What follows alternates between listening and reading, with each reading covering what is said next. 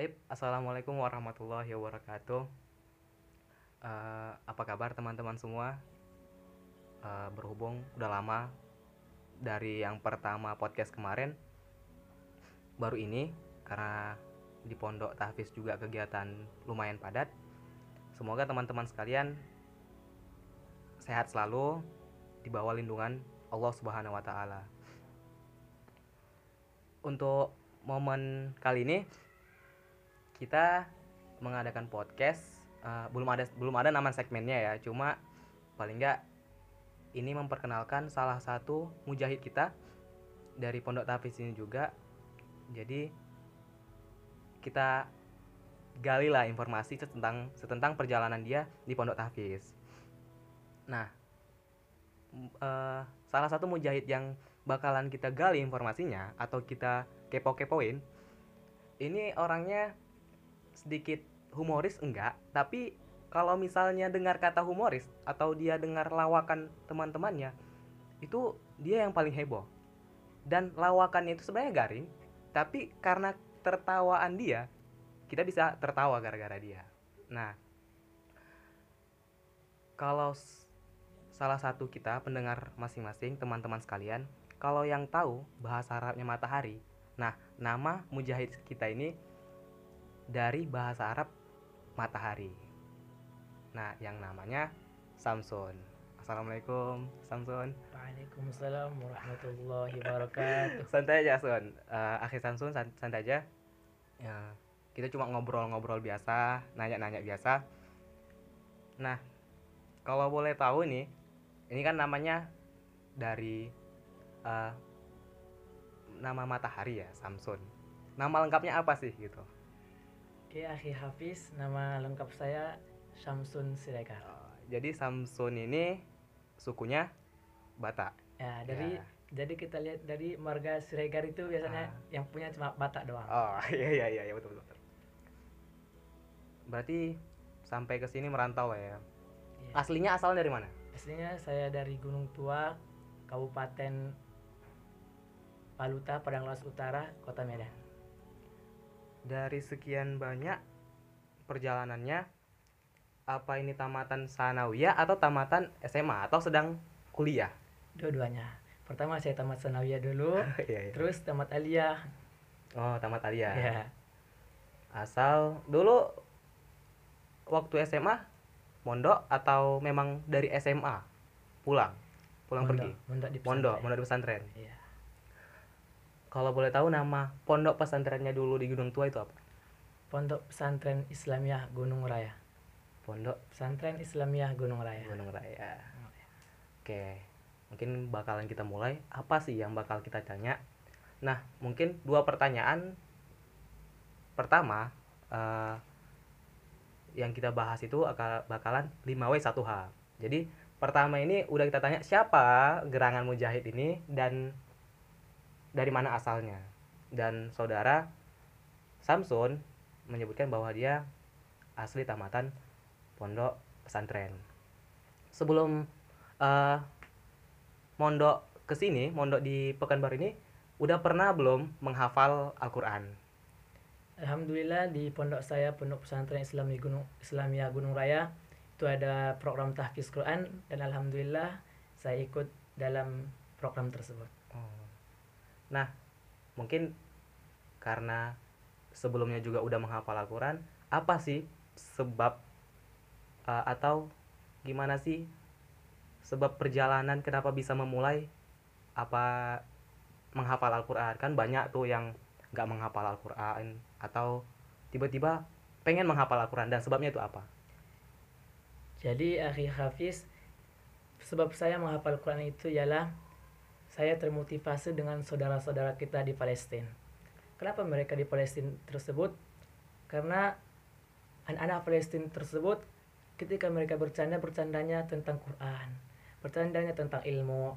Maka suatu ketika ketika anak-anak Palestina itu bercanda kepada teman-temannya, dia tanya kepada teman-temannya, "Wahai akhi," katanya, "berapa hafalanmu?"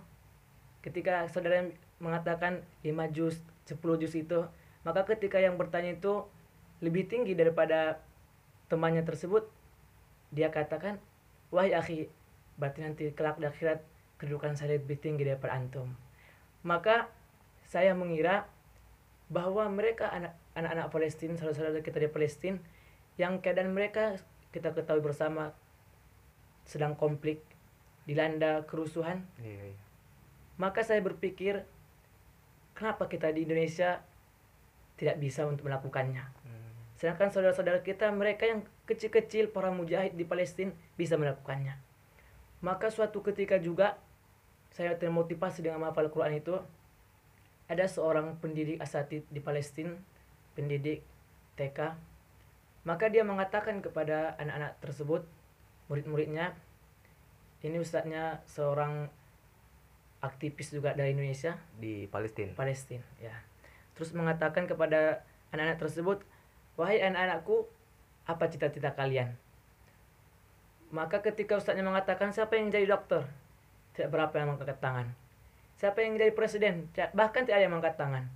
Maka asatid orang Palestina mendampingi aktivis ini mengatakan wahai akhi coba tanyakan siapa yang ingin menjadi mujahid? Maka mereka semua saking inginnya menjadi mujahid bahkan ada anak-anak yang ingin menjadi mujahid sampai mengatakan wahai ah- akhi wahai ustadz saya ingin menghafal Quran saya ingin menjadi mujahid Quran sampai-sampai naik di atas meja. Saking semangatnya giroh mereka menghafal Quran dan ingin menjadi mujahid mati dalam fisabilillah dan menghafal Quran. Maka saya ingin mengejar mengambil ibroh pelajaran dari mereka mereka keadaan yang seperti itu sedangkan kita di Indonesia yang tentram fasilitas memadai maka kenapa kita tidak bisa untuk menjadi seperti mereka Masya Allah, jujur, jujur ya ini. ah. saya dengarnya itu merinding gitu. Jadi kok memang dari hal yang biasa aja bisa jadi motivasi kita untuk suatu hal yang luar biasa. Dari hal yang kecil bisa jadi yang luar biasa. Nah, mungkin dari sisi sebab Akhir Samsun ini menghafal Al-Quran, ya mungkin bisa kan menghafal Al-Quran sambil kuliah berhubung tamat pesantren. Kenapa nggak langsung kuliah? Atau sambil kuliah sambil menghafal Al-Quran? Kenapa mengundur waktunya rela 2 tahun untuk menghafal Al-Quran? Nah. Men, apa ketertinggalan di kuliah itu? Nah, jadi akhi Hafiz, pertama pertanyaannya kenapa ngafal dulu atau kenapa nggak lanjut kuliah gitu Ya, lah atau kok sambil- barengan gitu kan? sambil- ya, ngafal Quran sambil kuliah gitu. Hmm. Ya pertama ketika saya tamat SMA saya beranikan diri saya mendatangi kedua orang tua saya saya datangi mereka karena saya tahu risiko menghafal Quran setelah itu setelah saya tamat ali itu banyak tantangannya salah satunya Salah ketertinggalan satunya ya. ketertinggalan dan orang tua pun tidak ingin anaknya tertinggal dari teman-teman yang Iya. lain. Nah, jadi saya beranikan diri saya mendatangi ke orang tua saya. Saya ngobrol, ngobrol sama lang sekalian tukar pikiran sama orang tua minta pendapat. Hmm. Saya beranikan saya datangi orang tua saya. Assalamualaikum Adi, Umi. Oh. panggilannya Abi Umi ya Ya kan Abi Umi ya nggak juga sih karena kadang kan orang Batak tuh biasanya sih manggil Uma Ayah itu ya. Iya. Nggak mungkin lah kita Tapi bilang Uma Ayah ya, itu. Abi- ya kita real aja Iya. kita cerita realnya aja Nah, jadi saya saya katakan sama ibu saya, ayah saya, ya saya ngapal Quran, ingin ngapal Quran. Hah, tapi udah ngapal Quran kemarin tuh di pondok tuh katanya itu. Hmm. Jadi kan saya jelasin. Jadi saya ya ingin ngapal Quran selesai semua nggak tanggung tanggung. ya Oh gitu ya katanya. sekali basah-basah saya semua ya. basah-basah semua itu. Terus kenapa saya langsung datang orang tua? Karena saya ingin mereka memberikan saya izin dan ridho juga dan ridho kepada saya untuk menghafal Quran. Iya. Maka teman-teman sekalian jika ada permasalahan atau keinginan kita untuk lanjut atau apa-apa, maka datangilah orang tua, bicara dari hati ke hati, maka sentuhlah hati, maka sentuhlah dia tepat di hatinya. Iya. Maka insya Allah ketika itu saya ucapkan keinginan saya untuk menghafal Quran dengan berat hati juga orang tua saya mengiyakan. alhamdulillah diizinkan Diizinkan menghafal Ah. Quran untuk melanjutkannya. Jadi betul mungkin dari salah satu kita mungkin ah karena kalau di hadis Rasul ridho Allahi fi ridho walidaini Ah. wa sukhtullahi fi sukhtul walidaini. Jadi mau apa pun gerangan walaupun kebaikan kita perlu juga izin dari orang tua karena ridho orang tua ridho Allah juga terletak pada ridho orang Orang tua Eh, mungkin ya itu alasan eh, kenapa nggak mau melanjutkan tapi kan dari sekian banyak pondok tahfiz nih dan mungkin perjalanan juga cukup jauh dari Gunung Tua ke Pekanbaru kenapa harus memilih Pekanbaru kan banyak atau mungkin bisa di Medan atau di Sumatera Barat kenapa harus di Pekanbaru Nah, kenapa harus di Pekanbaru? Ya, memang pertama saya itu ini istilah di Pekanbaru ini adalah udah jalan buntu nih saya masuk Pekanbaru ini. Saya Jalan bilang buntu? ya. maksudnya jalan Jalan betul tuh buntu ini maksudnya gini, akhi akhi Hafiz. Pertama saya cari link-link tuh di di sosmed, saya ingin ngapal Quran pertama di Medan. Pertama di Medan saya cari informasi tentang pondok pesantren tahfiz Abu Ubaidah. Abu Abu Baik. Ubaidah. Nah, mereka itu Abu Ubaidah itu baru buka pendaftaran itu Agustus. Sedangkan saya ingin masuk melanjutkan itu kan setelah Ramadan Juli ya, iya setelah Juli. Ramadan di di tahun 2019 19, Juli. Jadi dari Juli, Juli, Agustus nunggu sebulan lagi. Hmm, Kalau masuk iya iya tes masuk. Jadi saya cari lagi yang lain namanya Pondok Pesantren Abdurrahman bin Auf. Mereka Abdurrahman bin Auf sudah selesai Hmm. sudah Untuk- selesai sudah pendaftaran selesai udah tutup pendaftaran berarti ya? pendaftaran. Iya. Nah, jadi saya waktu itu bingung mau ke mana lanjutnya. Medan udah tutup semua. Jadi berarti dari sekian banyak yang di Medan udah dicari semua udah cari, informasinya alhamdulillah cari.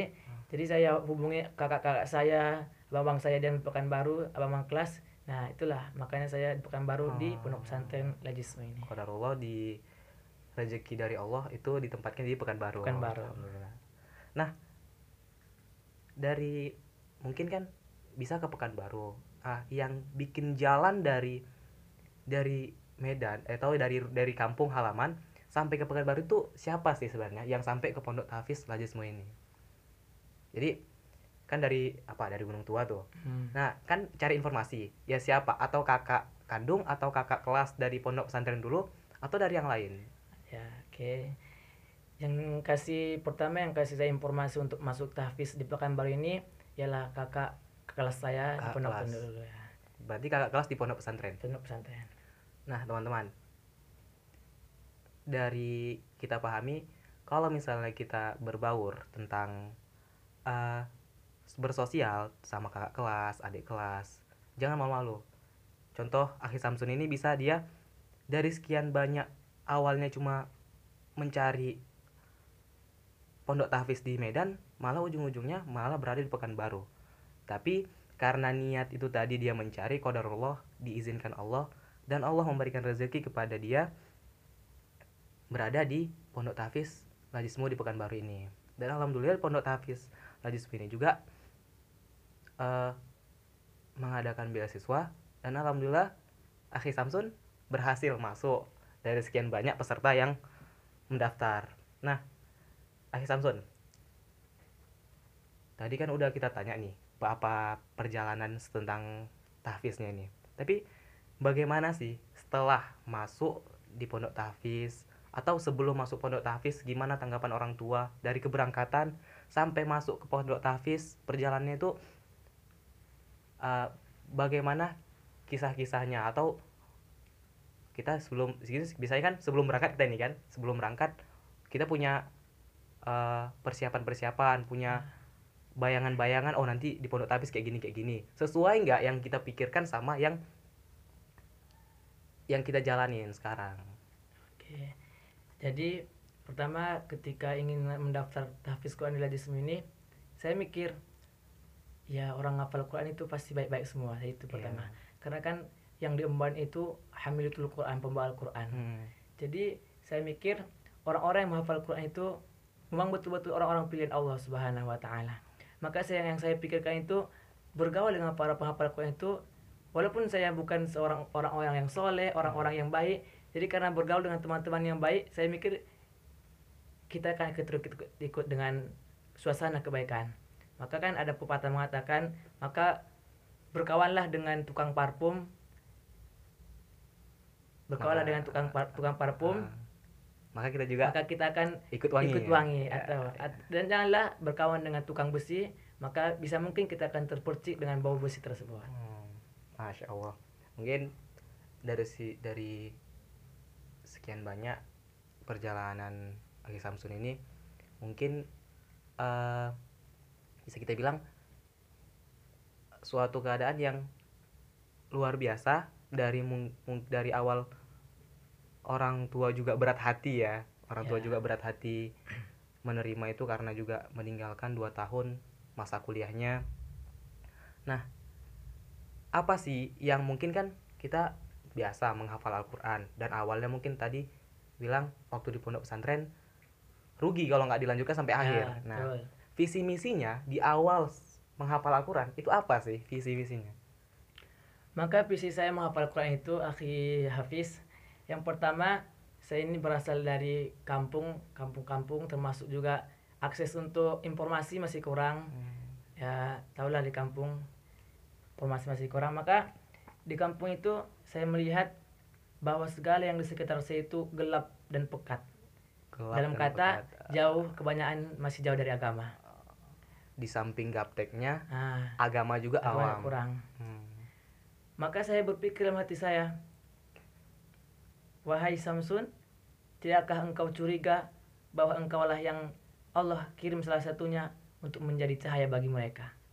Masya Allah Maka saya berhenti untuk mengeluhkan keadaan tersebut. Walaupun di tengah kegelapan yang saya rasakan di sekitar saya, maka saya berpikir, Wahai Samsun, sinar mulah yang sedang mereka nantikan. Maka berkilaulah engkau dengan Al-Quran itu.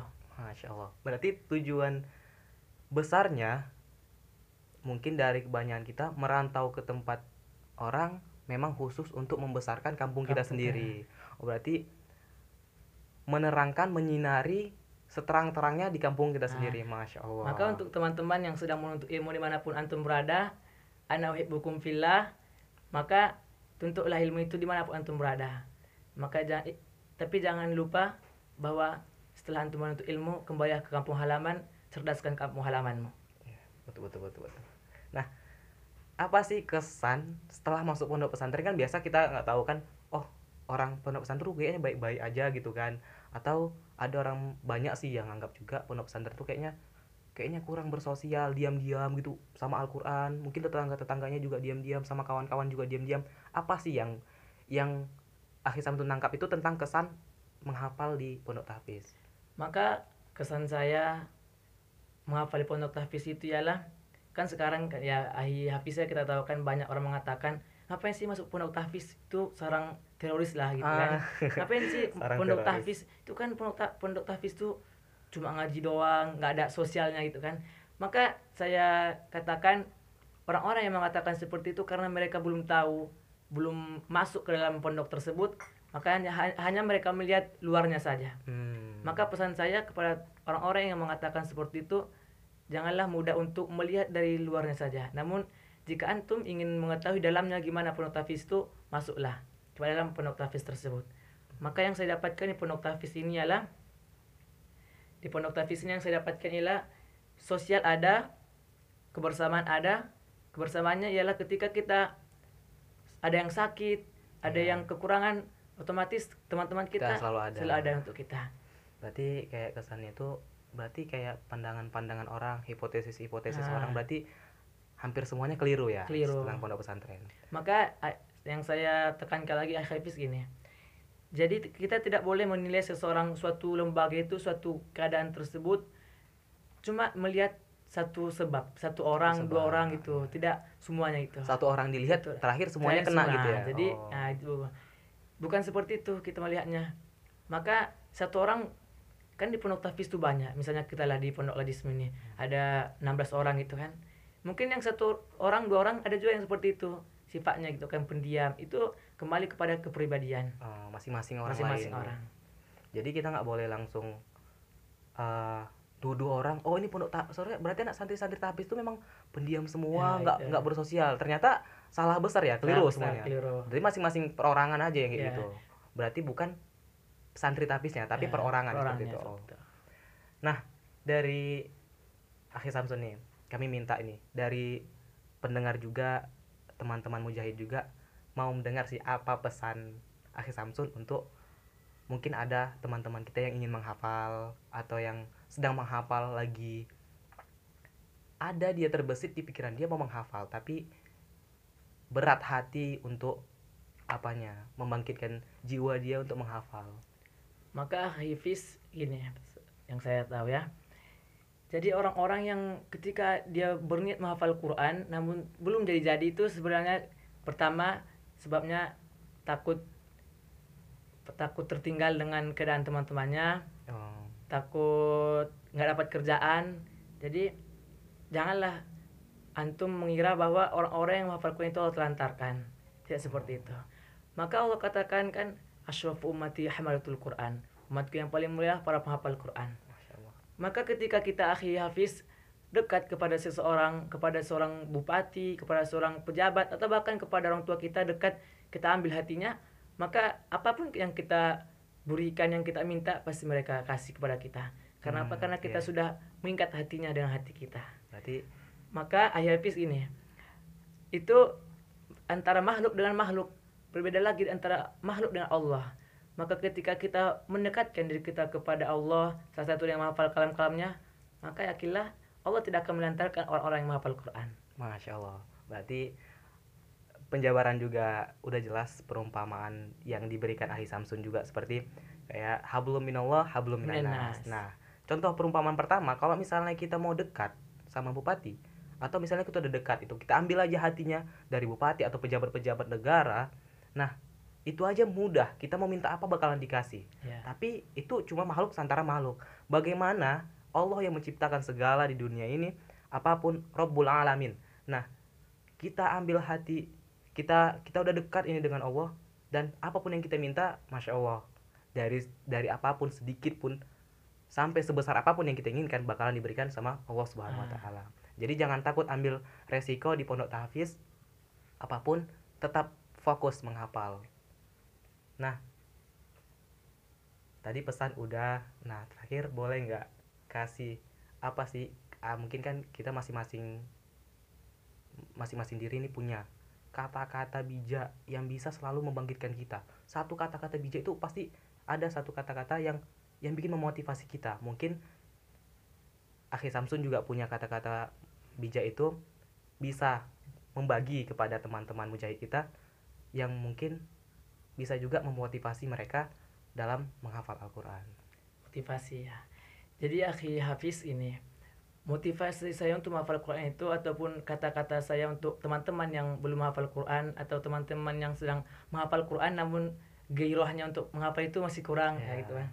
Jadi kalau untuk kata-kata mutiara saya akui saya tidak mempunyai kata-kata mutiara. Iya. Yang saya dapatkan itu pesan-pesan dari ustadz-ustadz saya di pesan, pondok pesantren lama dulu. Hmm. Yang paling saya ingat itu ialah wahai murid-muridku kata ustadz saya dulu ingatlah bahwa antum adalah harapan kedua orang tua. Maka ketika antum gagal dalam menghidup meng, apa gagal dalam pendidikan antum gagal dalam kehidupan antum maka ingatlah setiap keringat yang ke, orang tua keluarkan untuk kita itu orang tua bekerja orang tua mencari makan untuk kita keringat yang mereka keluarkan itu adalah menunggu keberhasilan kita Hmm. maka bayangkan akhi Hafiz ketika kita gagal dalam menuntut ilmu itu gagal dalam visi pemikiran orang tua kita itu maka bayangkan sudah berapa banyak keringat yang mencucur di wajah mereka sudah berapa banyak baju celana yang basah yang mereka pakaikan untuk bekerja untuk kita maka guru saya mengatakan Ustaz saya mengatakan wahai murid-muridku bahagiakanlah kedua orang tuamu buatlah mereka menangis karena prestasimu namun jangan pernah antum buat sekali orang tua antum menangis karena karena kesalahan kita Hmm, berarti kalau kita simpulkan